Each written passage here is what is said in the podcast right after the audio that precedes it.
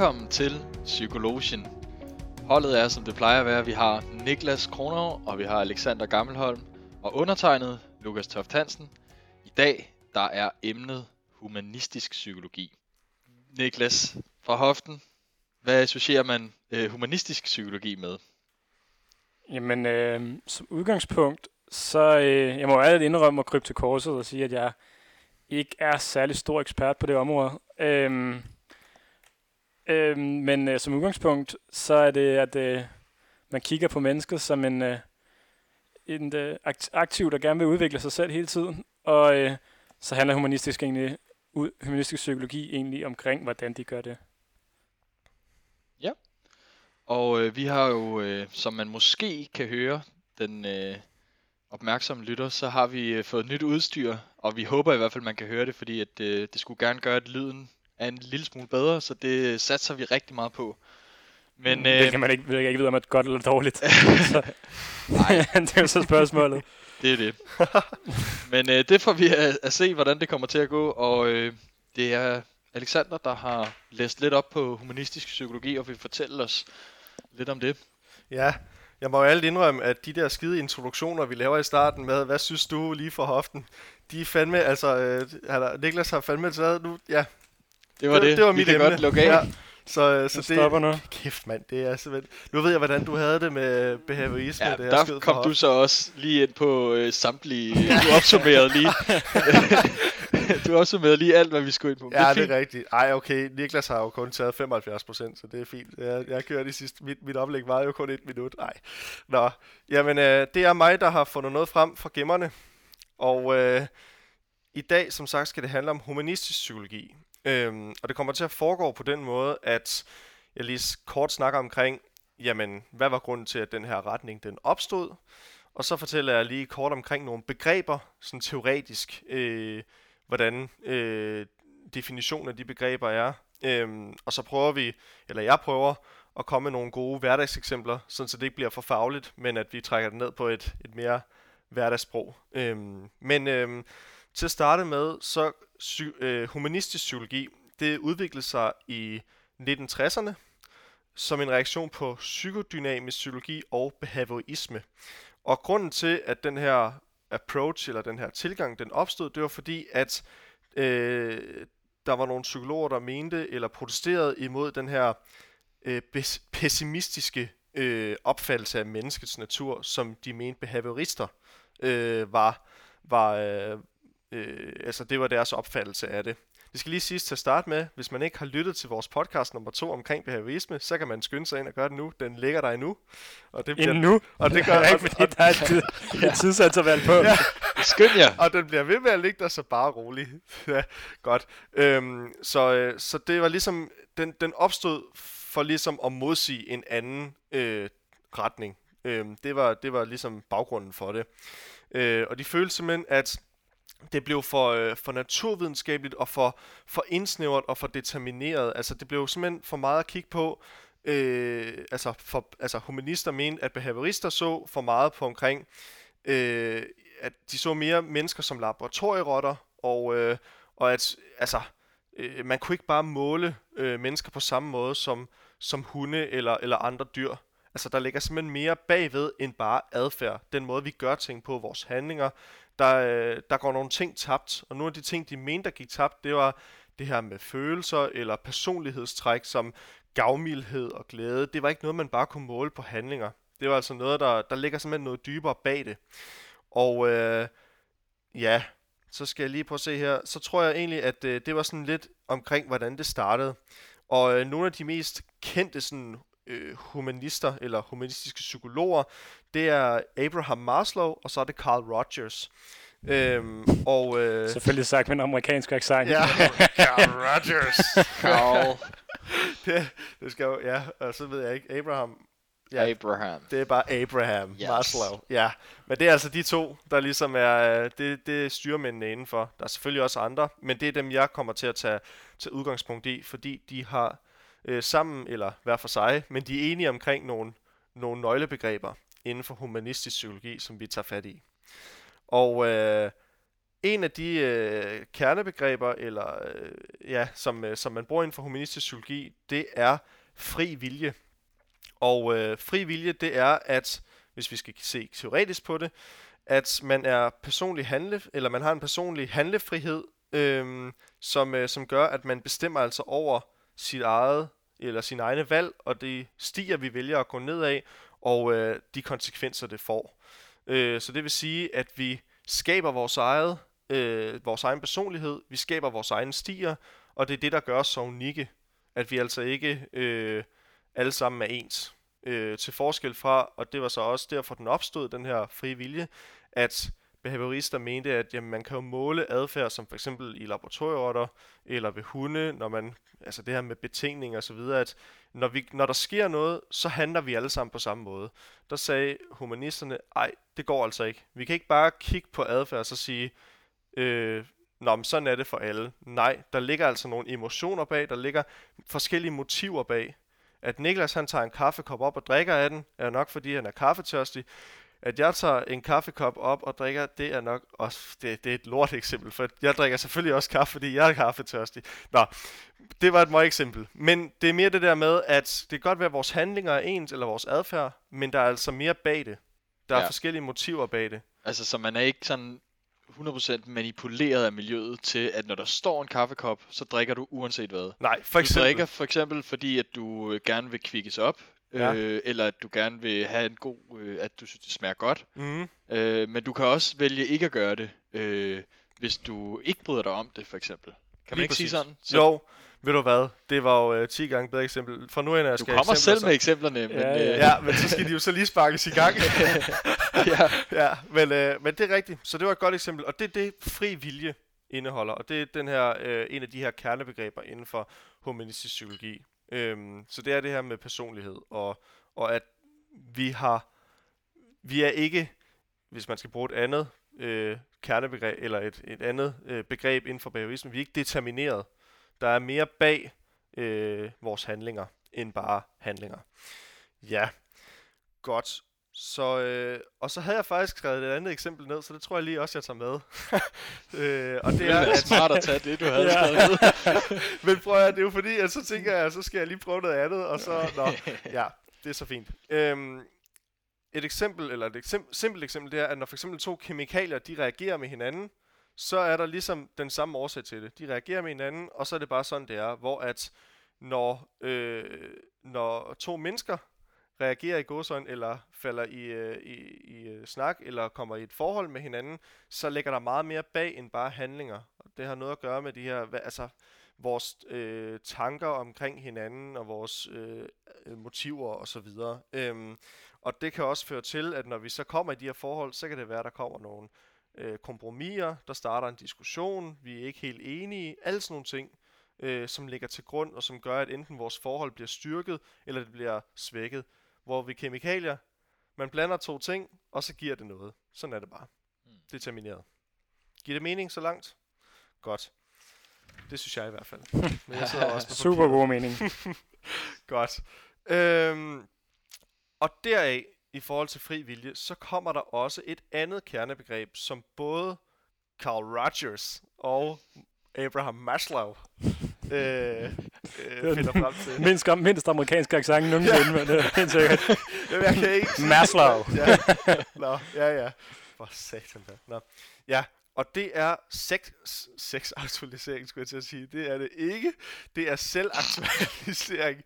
Godt. Øhm, selvaktualisering, det vedrører psykologisk vækst, opfyldelse og tilfredshed i livet.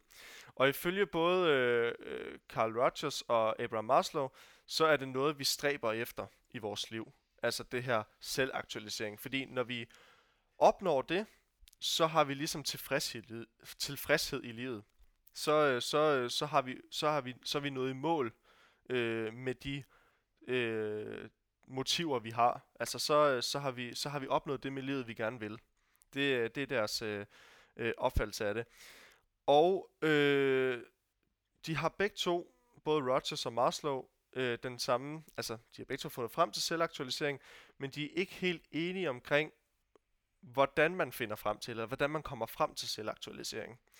Hvis vi tager Maslow, så tror jeg, at mange, der lytter til den her podcast, nok vil genkende, når jeg siger Maslows behovspyramide, øh, som er en af de ja, mest kendte teorier øh, både inden for humanist, øh, humanisme generelt, og også, jeg tror, for min eget vedkommende, så lytter jeg først, eller hørt første, øh, første gang om den i, i folkeskolen. Den er meget kendt i hvert fald.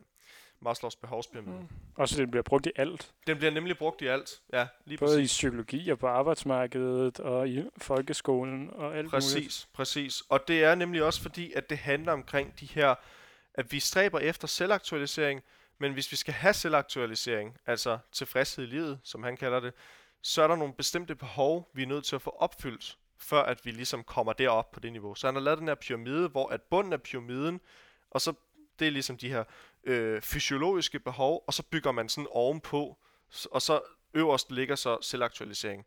Men nederst har man fysiologiske behov, som er, at vi skal have mad, vand, varme, hvile, altså alle de her ting, der simpelthen bare ligger i os, øh, biologisk og instinkt og alt sådan noget, det er noget, vi har brug for for at kunne overleve, øh, som vi dør, hvis ikke vi får. Så ovenover det, så kommer der et sikkerhedsbehov. Så det vil sige, at vi har også brug for, at der er beskyttelse og stabilitet i vores liv. For eksempel, hvis vi skal tage det fra hverdagseksempler, så har vi alle sammen et sted at bo. Vi har alle sammen øh, en vis sikkerhed, en vis beskyttelse, og vi har også en vis stabilitet i vores liv. Vi går på arbejde, vi laver de ting, vi skal, eller vi studerer, eller vi går i skole, så går vi hjem, vi spiser aftensmad, alle sådan nogle ting. Der er, sådan, øh, der er stabilitet i vores liv, og der er sikkerhed i det. Øh, beskyttelse. Øhm, og bygger vi så ovenpå igen, så kommer de sociale behov.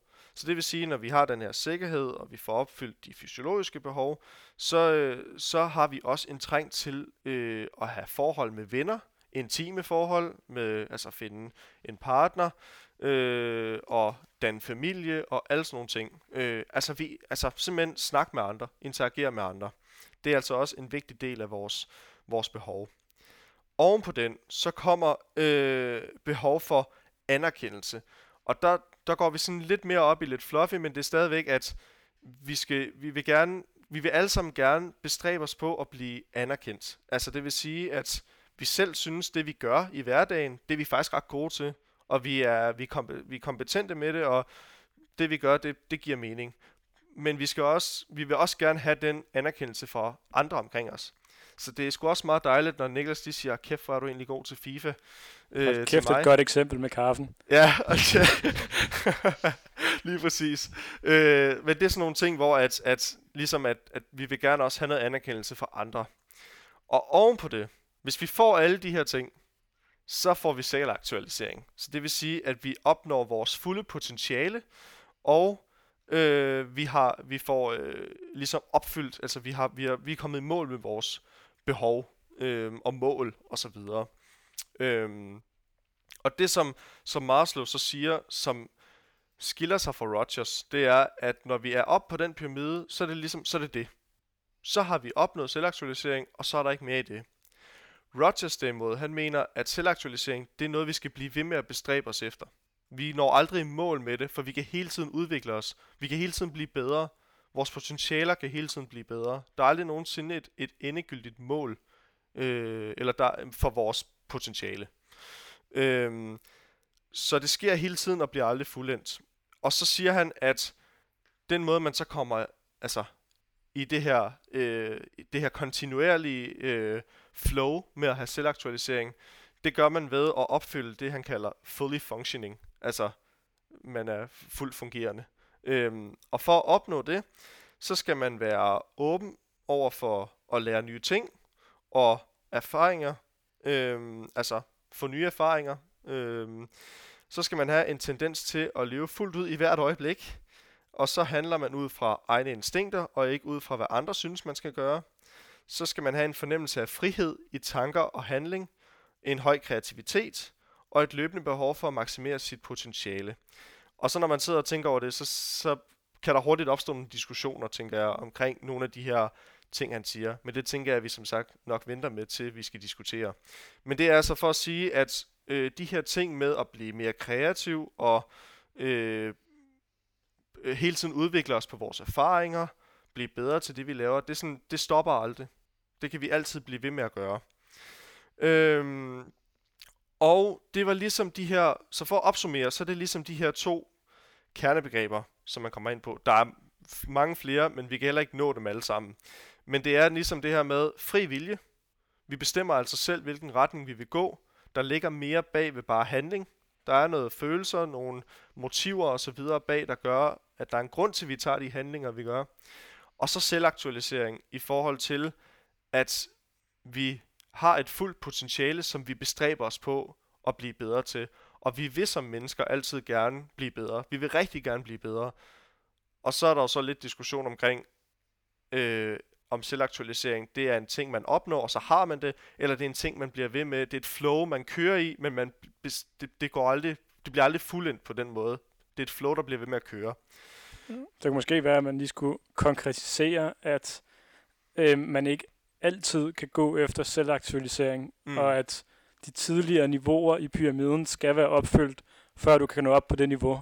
Så mm. du kan ikke indgå i sociale relationer, hvis du ikke har for eksempel mad at spise og Lige mulighed præcis. for hvile og forskellige ting. Ja. At øh, du er nødt til at starte nederst i pyramiden, og så når du har det, så kan du bevæge dig længere op. Lige øhm. præcis. Det er sådan en, at du bygger ovenpå hele tiden, og hvis du mangler et trin, så kan du ikke fortsætte op på næste trin. Så det er hele tiden, at, at det laveste skal være der, for at man kan gå længere op. Øhm, fuldstændig rigtigt. Øhm, men ja, det tror jeg egentlig lidt øh, var det. Jo, så kan jeg sige, i forhold til forskning inden for humanistisk psykologi, så, øh, fordi det er jo noget, vi virkelig tager ved videre, og som vi så kan skabe debat om nu her, videre til diskussionen, det er, at, at når vi så tager det med videre til dagligt brug, så når vi forsker, eller vi skal blive klogere på os mennesker, så øh, vil humanister, eller øh, folk inden for humanistisk psykologi, rigtig gerne køre kvalitativt. Det vil sige, at vi vil rigtig gerne ind og øh, for eksempel lave interviews, eller anden form for øh, øh, iagtagelse af mennesket, hvor vi sådan vi hører fra den enkelte person. Altså det er det, vi lægger vægt på. Øh, så for eksempel i interviews, så bliver der fortalt en masse ting, og det er meget langt interview, eller det behøver det ikke være, men der bliver skrevet meget ned, og så fortolker man på det. Øh, så det er meget individuelt, de svar, man får.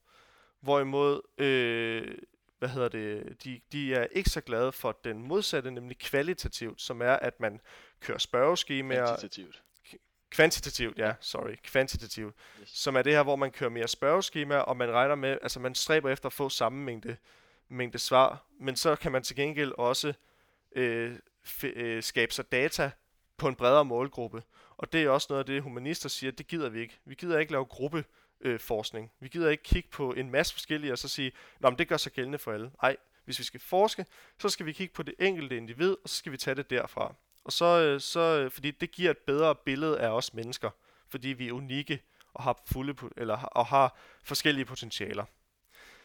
Med det i mente, så tror jeg egentlig, at jeg vil lukke øh, klasseforelæsningen her, og så, øh, så går vi videre til, til diskussionen. Øhm, og så, jeg ved ikke, om du havde noget, du ville tilføje, Niklas, ellers så ville jeg sparke den i gang.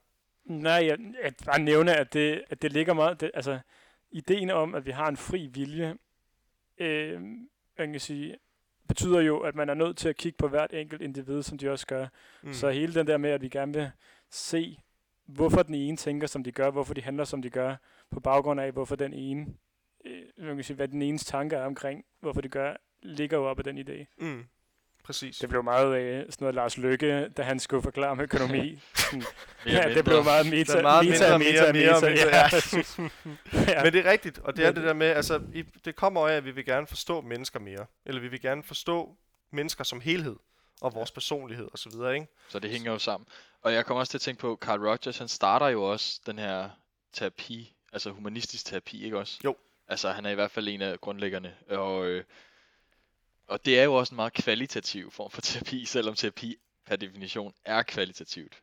Men, men det er netop også det her med virkelig at sætte personen altså i centrum, ja. klienten i centrum, og komme ind i den klients oplevelsesverden på en anden måde, end at være en ekspert, der fortæller klienten, øh, hvordan tingene hænger sammen. Ja, og det er jo også det her med, at for humanister, så bliver det nemlig, som du siger, at, at, at også i forhold til behandling og terapi, at det skal være kvalitativt. Altså det, vi skal se på hver enkelt individ, øh, og ligesom øh, fortolke derudfra for at få et, et, øh, et, et, et fuldendt billede af, af det enkelte individ. Og det er også derfor, de kritiserer, øh, hvad skal man sige, altså de mener, altså hvis, hvis, te, altså, hvis terapi ikke er kvalitativt, så er det jo, øh, så ser man ikke på det enkelte individ, og det kan man jo heller ikke tillade sig over for det enkelte individ i forhold til for eksempel behandling. Så det er jo også en diskussion, man kan sparke i gang i forhold til, hvad humanister mener. Øhm, ja, men hvis vi skal kigge lidt mere på sådan konkret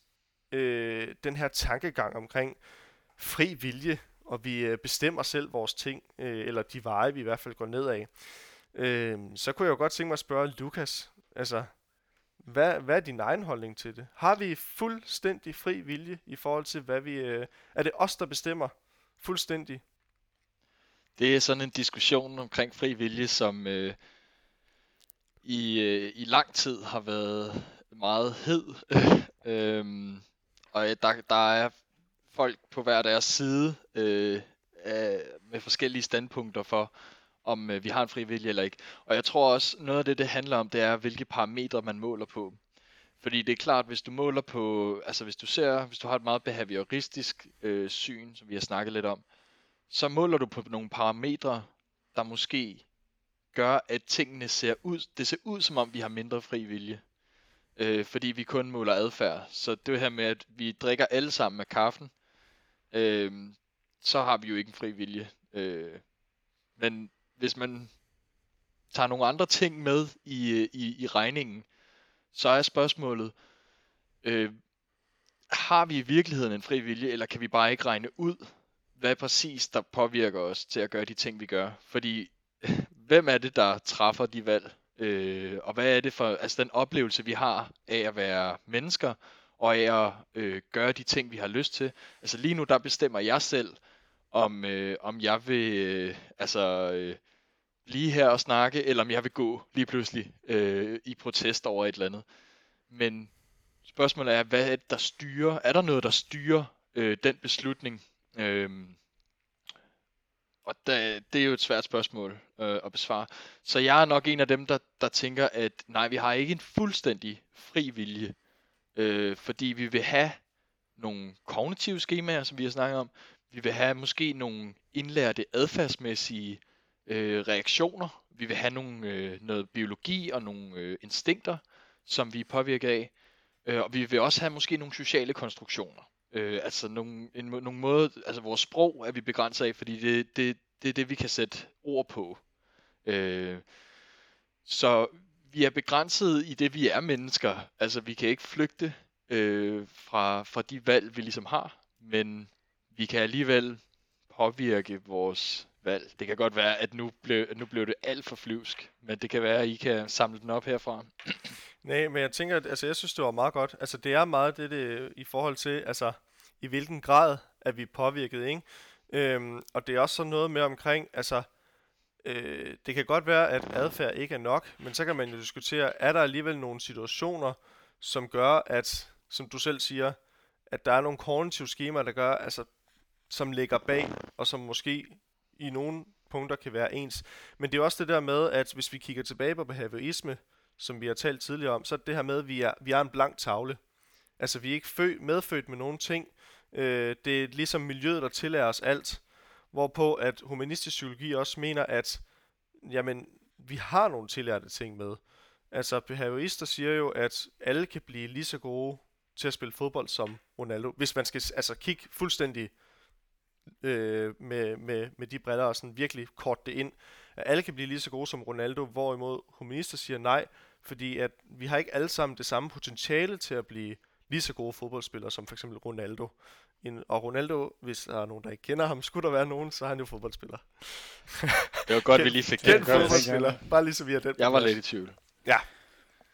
Så, øh, men, men, øh, så det er en, og det er jo en, en, en, en en diskussion også omkring, der, eller det, der har skabt mest debat inden for øh, sådan den her øh, kritik af humanisme, eller humanistisk psykologi, det er også den her, der er den der øh, natur- og biologi-debat.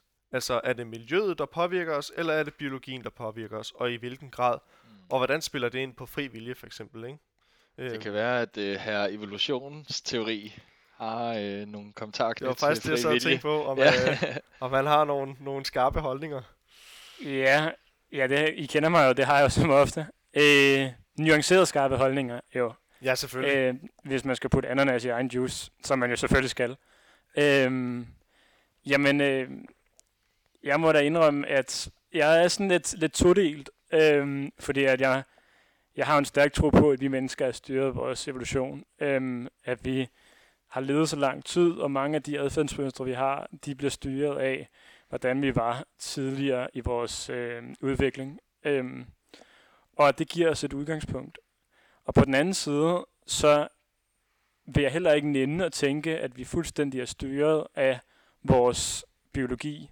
Fordi at jeg synes, det er lidt en, en nihilistisk tilgang, eller som er sådan, det er egentlig sådan en, en meget pessimistisk og trist tanke, at jeg ikke kan styre mit eget liv, men at jeg er styret af alle andre. Øhm, at vi er små dukker, der styrer vores omgivelser. At, øh, og der må jeg indrømme, at sådan, den tankegang om, at man ikke har mulighed for at bestemme over sit eget liv, eller lave sin egen handling og sådan nogle ting, der må, øh, øh, at det kan sige, det er i hvert fald en, en trist tanke at have, og derfor ved jeg ikke, om det, om det er, fordi jeg har tænkt over det, eller om det er bare fordi, at jeg tænker, at det tør jeg ikke tænke over, fordi at, øh, så, øh, så får man lige pludselig et syn på livet, der er ikke særlig godt. Men øh, jeg må da indrømme, at øh, jeg tror, det er et, et stort mix af alt, vi oplever igennem, og jeg tror, en af det, en del af den, øh, den cocktail, det er, at vi selv kan beslutte, hvad vi ligesom har, øh, hvad vil vi gøre. Om vi vil gå over for rødt, eller om vi vil gå over for grønt. Øhm. Og jeg synes også bare, der er meget beviser på, at vi har en fri vilje. Øhm. Og igen, hvis man tager den op, nu er vi jo psykologien, øh, hvis man tager dem op for eksempel i terapi, øh, og vi snakkede også om det sidst, øh, og igen, jeg synes, en af de mest imponerende grupper i, i hele verden, det er mønsterbrydere. Øhm, og at man kan vælge på trods af sine omgivelser, at tage en anden beslutning i livet og gøre noget, der er proaktivt og prosocialt og pro godt for en selv. Altså sådan, øh, det tyder på, at der er nogle ting, der går forud for øh, øh, adfærden. Ja. Hmm. Øhm ja, og så bliver det jo også hurtigt et spørgsmål omkring, øh, at så fordi, at der ligger mere bag, adfærd, altså, og hvad er det så, der, der gør det? Men der må alligevel være nogle ting, der gør, at vi, som du selv siger jo, er, øh, hvis vi skal bruge det andet ord, determineret. Altså som gør, at vi simpelthen er bestemt til noget øh, genmæssigt. Øh, og i det der med, at, at det der med, at man selv bestemmer, Altså, øh, jeg sidder der, nu, nu kommer jeg med et eksempel her for lige at trække det ned sådan på, på hverdagssprog. Altså, det er da ikke altid, jeg kan styre, at jeg begynder at svede. Eller det er ikke altid, jeg kan styre, at jeg begynder at, at rødme, eller, eller noget. Det er, jo, det er jo noget, der simpelthen, det er jo, men, og, og det er jo en, en, man siger, det er jo en fysiologisk ting, der sker i mig, men, men begrundelsen for det bagved ligger vel også tit som det samme. Så hvis man rødmer, så er det jo tit, fordi man er nervøs, eller hvis man, hvis man sveder, så kan det selvfølgelig være mange ting, men det, man kan jo stadigvæk sætte det i rubrikker og sådan, eller, eller kategorier og sige, at det er jo det her, der er årsagen bag det. Hvad tænker I om det, Lukas? Jamen, øh, jeg sad faktisk også og tænkte på øh, særligt øh, vores fysiologi, øh, hvor begrænset vi er af den. Hvis jeg får en øh, alvorlig sygdom, øh, så kan jeg ikke, altså jeg kan ikke flygte fra min krop. Så der har jeg ikke en fri vilje til at, øh, øh, kan man sige, forlade smerten, hvis jeg føler smerte. Så hvis du kigger på spørgsmålet om fri vilje fra det perspektiv, så er det klart, så er vi altid begrænset af det, som mennesket er og kan. Men hvis du så til gengæld siger, hvad kan du gøre, når du får en sygdom? Jeg kan vælge at se positivt på det. Øh, jeg kan vælge at... Øh, jeg kan selv vælge, hvad jeg tænker. Jeg kan prøve at tænke nogle gode tanker. Øh, jeg kan prøve at gøre nogle gode ting for mig selv. Øh, I så, vid, altså, så vidt muligt omfang, jeg kan. Det er så det, som man vil argumentere for, for på den anden side. Altså øh, øh, en, af en, der diskuterer fri vilje, at vi kan jo selv vælge, øh, hvordan vi øh, går til de omstændigheder, der er. Øh, man så... skylder også sig selv at gå proaktivt og øh, til sådan nogle øh, man kan sige, omstændigheder. Øh, fordi at øh, selvom det er sagt lidt koldt, så har det jo aldrig hjulpet noget, at man ligger sig ned og, øh, og græder og øh, forbander hele verden, at man har, øh, at man, man, man har det, som man har det. Øh, Nej, og det er jo netop også det, du snakkede om med pessimisme, at hvis vi tror for meget på, at vi ikke har en fri vilje, så er alt jo ligegyldigt. Så har vi jo ingen grund til at gøre en indsats, eller prøve at gøre det bedre, eller være bedre mennesker. Nej. Men man kan også vende den om og sige, altså øh, for at trække den ned på, øh, i stedet for at snakke videnskabsteori, at godt tage trække den tilbage til den humanistiske psykologi, så øh, lærer mærke til at tænke over, at Carl Rogers øh, tanke om, at vi hele tiden, vi aldrig nåede at blive selv aktualiseret, men vi hele tiden skulle stræbe efter det for at få det. Øhm, og der må jeg indrømme, det synes jeg, det synes jeg også skal være et problem, øh, hvis man vender den om. Fordi at, øh, øh nu er det bare, jeg sad og, øh, sad og hørte lidt omkring den der bog, der hedder Kunsten at være fucking ligeglad, som snakker om, det er en meget hyggelig bog, som sidder og snakker om nogle forskellige idéer og noget forskning øh, inden for det at være ligeglad. Men, men de nævner, at vi generelt, på grund af, at vi har så materialistiske samfund, vi har, at vi generelt er begyndt at blive mindre lykkelige, fordi vi aldrig nogensinde er tilfredse med det, vi har. Og øh, hvis man tager den tilbage til det her selvaktualiserende, at man hele tiden skal blive ved med at udvikle sig, hvornår kommer det så bekostning af os selv, og hvor godt vi har det med der, vi er, hvis vi hele tiden sidder til at tænke på, at vi gerne vil fremad, at vi gerne lære nye ting, og vi vil gerne opnå mere. Øh, der mener jeg og tænker, at den mangelvare, der er i vores samfund, det er, at man sætter sig ned og nyder der, man er kommet til. Og klapper sig selv på skuldrene og tænker, hold kæft, det er godt klaret. Og at øh, man øh, derigennem får nogle, øh, jeg det ikke, nyder der, man er, i stedet for at man hele tiden skal gøre det bedre. Øhm, ja. Ja, og, og det er jo netop også det, som du siger i forlængelse af det, at så kommer det jo også an på, hvordan man ser i forhold til på, på sit øh, potentiale, og hvordan man ligesom, øh, altså det her med at være tilfreds med det, man har, og øh, det her med, altså ligger det motiveret også i os, at vi hele tiden skal stræbe efter, eller er det mere en, en, en tanke om, at skulle der komme et eller andet, noget der kan gøre os klogere, jamen så, så tager vi imod det med åbne arme, øh, åbne arme og siger, jamen selvfølgelig, det vil vi gerne, vi vil gerne blive klogere, vi vil gerne blive bedre, øhm, men at man ikke hele tiden har den der opfattelse omkring, jeg er ikke god nok endnu, eller jeg har ikke udvundet mit fulde potentiale endnu. Så det er mere det her med, måske øh, at man ligesom er der, hvor man er, men, men man kan altid blive lidt klogere på en bog eller på et eller andet, for at tage hverdagseksempler. Men man er ikke, man er måske ikke, altså jeg tror, ja, det der med, altså motiveringsmæssigt, er, er vi motiveret til hele tiden, jeg skal læse den her bog, eller jeg skal blive bedre til det her, eller er det mere, at kommer der noget, så kan vi blive bedre til det, men det ligger måske ikke så motiverende i os, at vi skal være de bedste, vi overhovedet kan. At nogle gange, så har vi det også sådan, så er det godt nok at være, være os selv. Så der ligger måske noget der. Ja. Jeg tror bare, der ligger en fokus i, at vi, øh, at vi, har, en, at vi har en fokus på, hvad der mangler, i stedet for, at vi har en fokus på, hvad vi har. Øhm, og det tror jeg er en, øh, en grund til, at rigtig mange mennesker bliver ulykkelige, og aldrig nogensinde er tilfredse. Øhm, fordi at vi ikke stopper op og øh, ser, om hvorvidt, at ser, at vi har selv aktualiseret os selv at øh, hvis man for eksempel siger, øh, vi har vi er nu øh, tre et halvt øh, år inde på studiet, der er mange, der tænker, at Ui, der er stadig halvanden år igen, i stedet for at tænke, jeg har klaret her tre et halvt år. Jeg, øh, øh, altså den der tanke om at se glasset halvt fuldt i stedet for halvt tomt, der, øh, det, synes jeg, det synes jeg, der er mange, der, der, der mangler meget. Og det tror jeg også er en grund til, at øh, hvad hedder det nu, at folk ikke har det så godt, som de kunne her. Og det ligger igen op i den tanke med, at hvis man hele tiden skal udvikle sig selv, så ender man på et eller andet tidspunkt med at stoppe udviklingen. I hvert fald inden for de aspekter, som jeg synes er vigtigt, såsom lykke og øh, glæde for sit liv og øh, yeah, quality of life og sådan nogle ting. Mm. Øhm.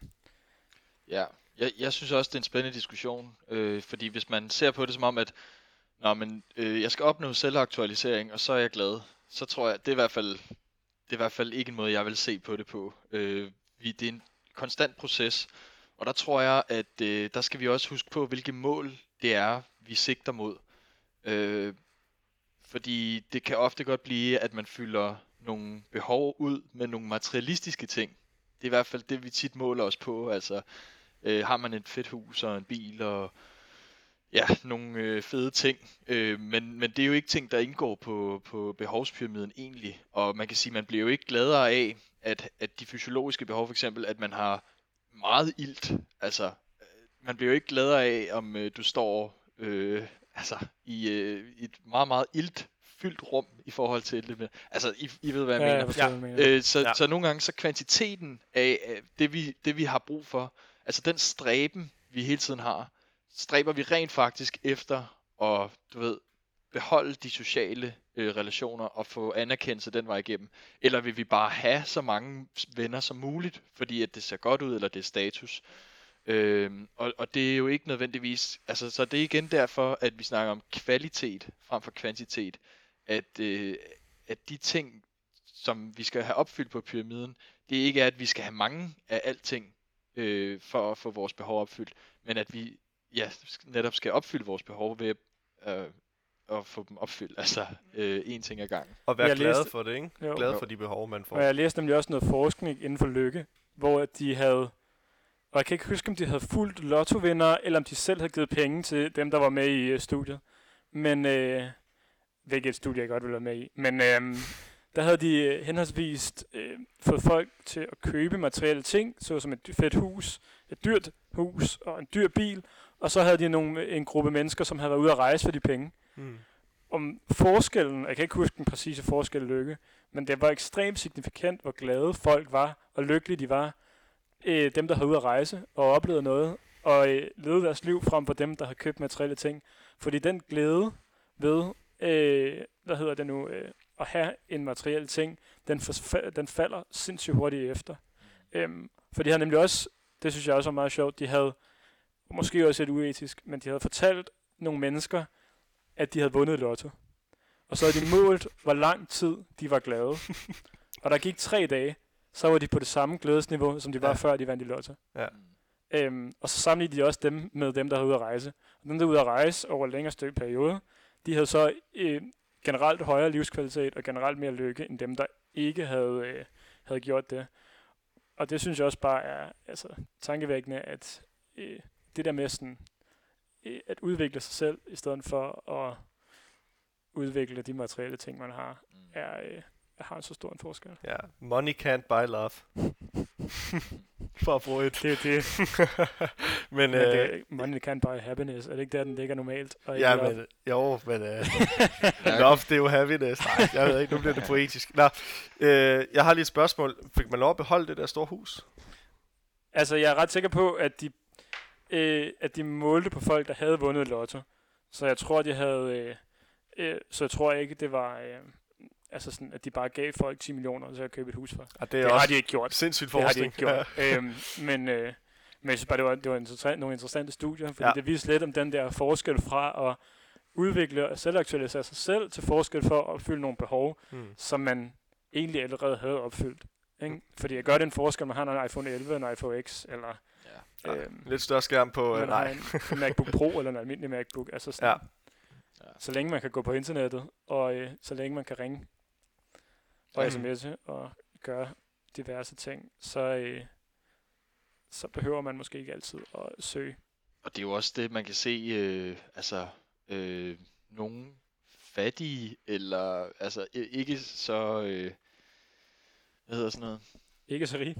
ikke så rige mennesker, kan også være meget lykkelige, altså at være glade for det, man har, og sætte pris på øh, det lidt, man har, hvor at nogle meget rige mennesker kan hele tiden i den her stræben efter hele tiden at genopfinde sig selv, eller øh, bevise sin status eller sit værd over for andre, øh, blive ulykkelig. Øh, så Men det var der faktisk også, øh, for det er nemlig det er en anden artikel, jeg nemlig læste, men den handlede om, hvorvidt, hvor mange penge man skulle have for at være lykkelig. For de, de undersøgte det her, can money buy happiness?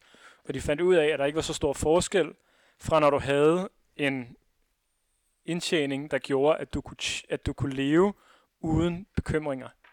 Altså sådan, havde du penge nok til, at du kunne betale for mad? Havde du penge nok til, at du kunne rejse det, du havde lyst til? Havde en, okay, en normal bil og sådan nogle ting? Havde du penge nok der, Altså, så derover det gjorde egentlig nogen stor forskel i forhold til, hvor lykkelig du var i livet. Men under, det skabte en masse komplikationer i forhold til sådan noget, at man havde simpelthen så mange bekymringer omkring, kan jeg nu klare øh, regningerne her i slutningen af måneden? Kan jeg få mad? Kan jeg give tøj til mine børn? Øh, er det nu nok, at vi tager på legepladsen? Vil mine børn ikke gerne til Italien? Et eller andet. Der er også sindssygt mange ekstra følgevirkninger på baggrund af ikke at have nok penge. Så den der øh, udtalelse om, can money buy happiness, den på et eller andet tidspunkt er den korrekt. Og så er der så en cut-off score, hvor man øh, hvor der ikke er så stor forskel. Ja. Ja. Mm. ja. Jeg tror, at, øh, at vi lukker den her så. Men øh, spændende diskussion, og der er mange... Øh, ja, vi kunne blive ved med at sidde og diskutere i forhold til, fordi det er også så stort, og det er jo også stort, eller det er vidt, vidt abstrakte begreber, man også bruger, ikke? Så, så der er meget, og hvad indeholder dem, og så videre. Øh, men øh, ja, jeg tror som sagt, at, øh, at vi lukker den her og går over til afslutningen, og det er jo Niklas, der står for den. Jamen, øh, det er jo mig, der har fornøjelsen i dag at skyde bolden i mål, og øh, lægge den sidste aflevering, før dommeren han fløjter af. Og øh, vi jo øh, gået, prøvet et nyt koncept her i Psykologien, øh, hvor vi øh, voksne kroppe, men teenagehjerner, som vi har, har øh, skal, skal lave SPRK til slut, hvor at øh, S står for, er det sandt? Så øh, er det sandt, at humanistisk øh, tankerne bag humanistisk psykologi. P, hvor mange procent sætter du på øh, de humanistiske psykologiske tanker? Og den sidste, K, øh, hvor mange øh, har du nogle modargumenter til øh, og kritik af den øh, hvad hedder det nu, retning, vi ligesom har diskuteret. Mm, det er sådan lidt konsekvens. Ja, ja lige præcis. Lige præcis. Øhm, og øh, Alexander, du lagde ud i dag, så vi, øh, vi starter med Lukas. Ja. Vil du tage SP eller K? Jamen, jeg siger K. Du siger simpelthen K. Så skal K. der fandme kritiseres. Yes. Oh. Er der et sådan øh, konkret spørgsmål, eller kan jeg bare...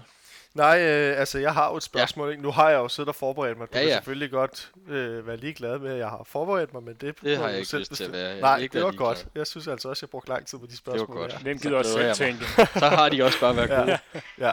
ja. Øh, nej, Jamen ved du hvad, jeg har faktisk en, jeg havde faktisk skrevet noget ned, men jeg tror faktisk, for den har vi lidt været inde at vinde.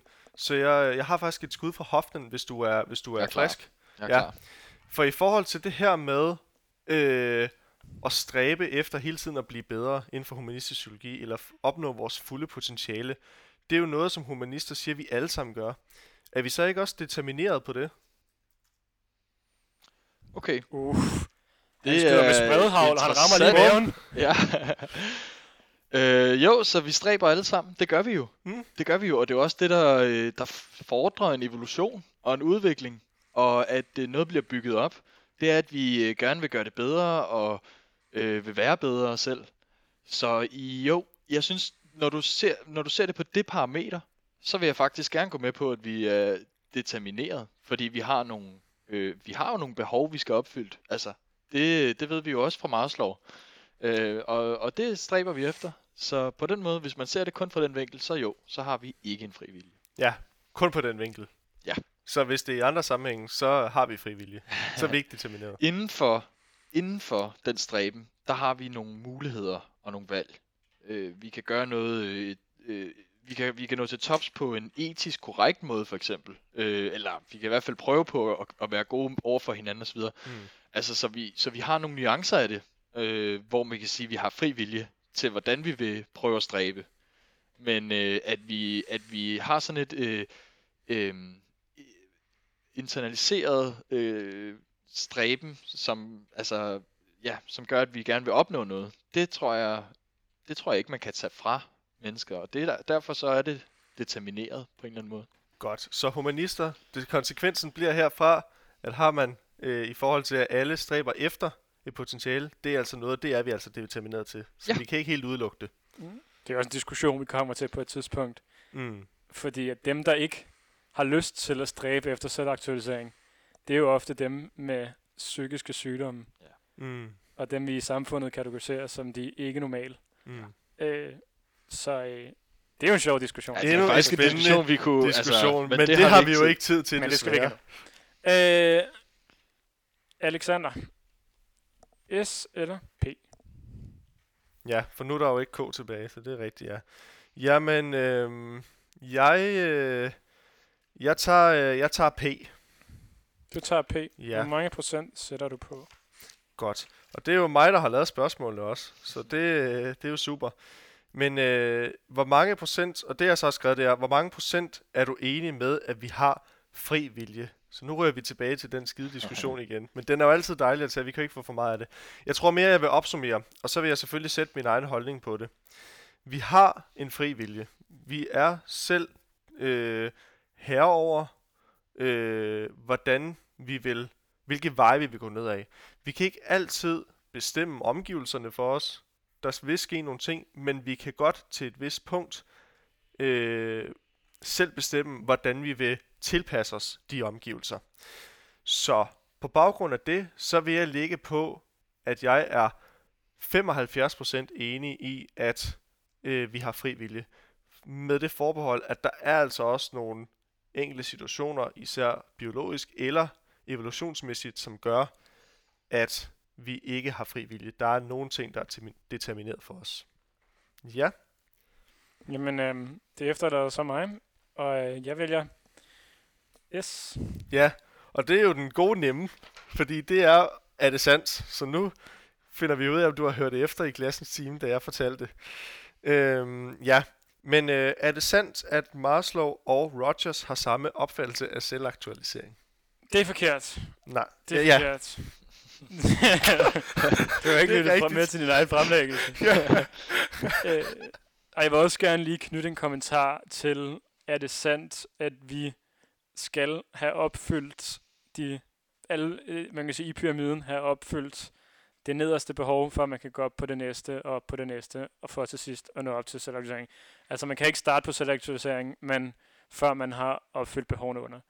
Fordi at der er forskning, der tyder på, at det er forkert. Øh, så den, øh, den sandheds, det sandhedsparameter, der vil jeg godt sige, at det tror jeg ikke er sandt, eller det er ikke sandt. Man har for eksempel undersøgt en masse mennesker i Afrika på baggrund af humanistisk psykologi og Maslows behovspyramide og fundet ud af, at selvom de ikke altid har en øh, sikkerhed i det sikkerhedsnetværk, og ikke altid har de fysiologiske behov, som øh, såsom at øh, have mad og sådan nogle ting, så kan de stadig godt udvikle deres passion og udvikle nogle af de ting, de er gode til. Øhm, så øh, helt sikkert øh, er det, du sagde, korrekt. Nej, det var så også forkert. To gange forkert herfra. to gange forkert Sådan. herfra. Det er helt sikkert, at det du siger, det ikke er sikkert. Det er ikke for, ja. To gange forkert herfra. Ja. Øhm, men der er helt sikkert noget omkring selve ideen bag. Øhm, den er bare ikke så stringent, som øh, han øh, fremlægger den. Og det er jo også, hvis man skal kigge lidt på det. Lige hurtigt for at knytte en kommentar, så bliver Maslows behovspyramide også kritiseret for, at den er ikke så forskningsbaseret. Altså, der er, det er svært at, at bevise, at det han siger, det er rigtigt. Mm. Så det er fuldstændig korrekt. Og med de ord, kære lytter, så øh, takker vi af fra Psykologien. Tak fordi du øh, lyttede med. Og øh, hvis man har lyst til at have eventuelt nogle, øh, øh, nogle kommentarer til øh, den her podcast, eller vil foreslå emner, vi kan dække og øh, informere omkring, så er I velkommen til at skrive en øh, mail til øh, psykologen.odense.gmail.com. Den står også i vores beskrivelse af podcasten. Og ellers så øh, takker vi af herfra og siger tak for denne gang, og tak fordi du lyttede med.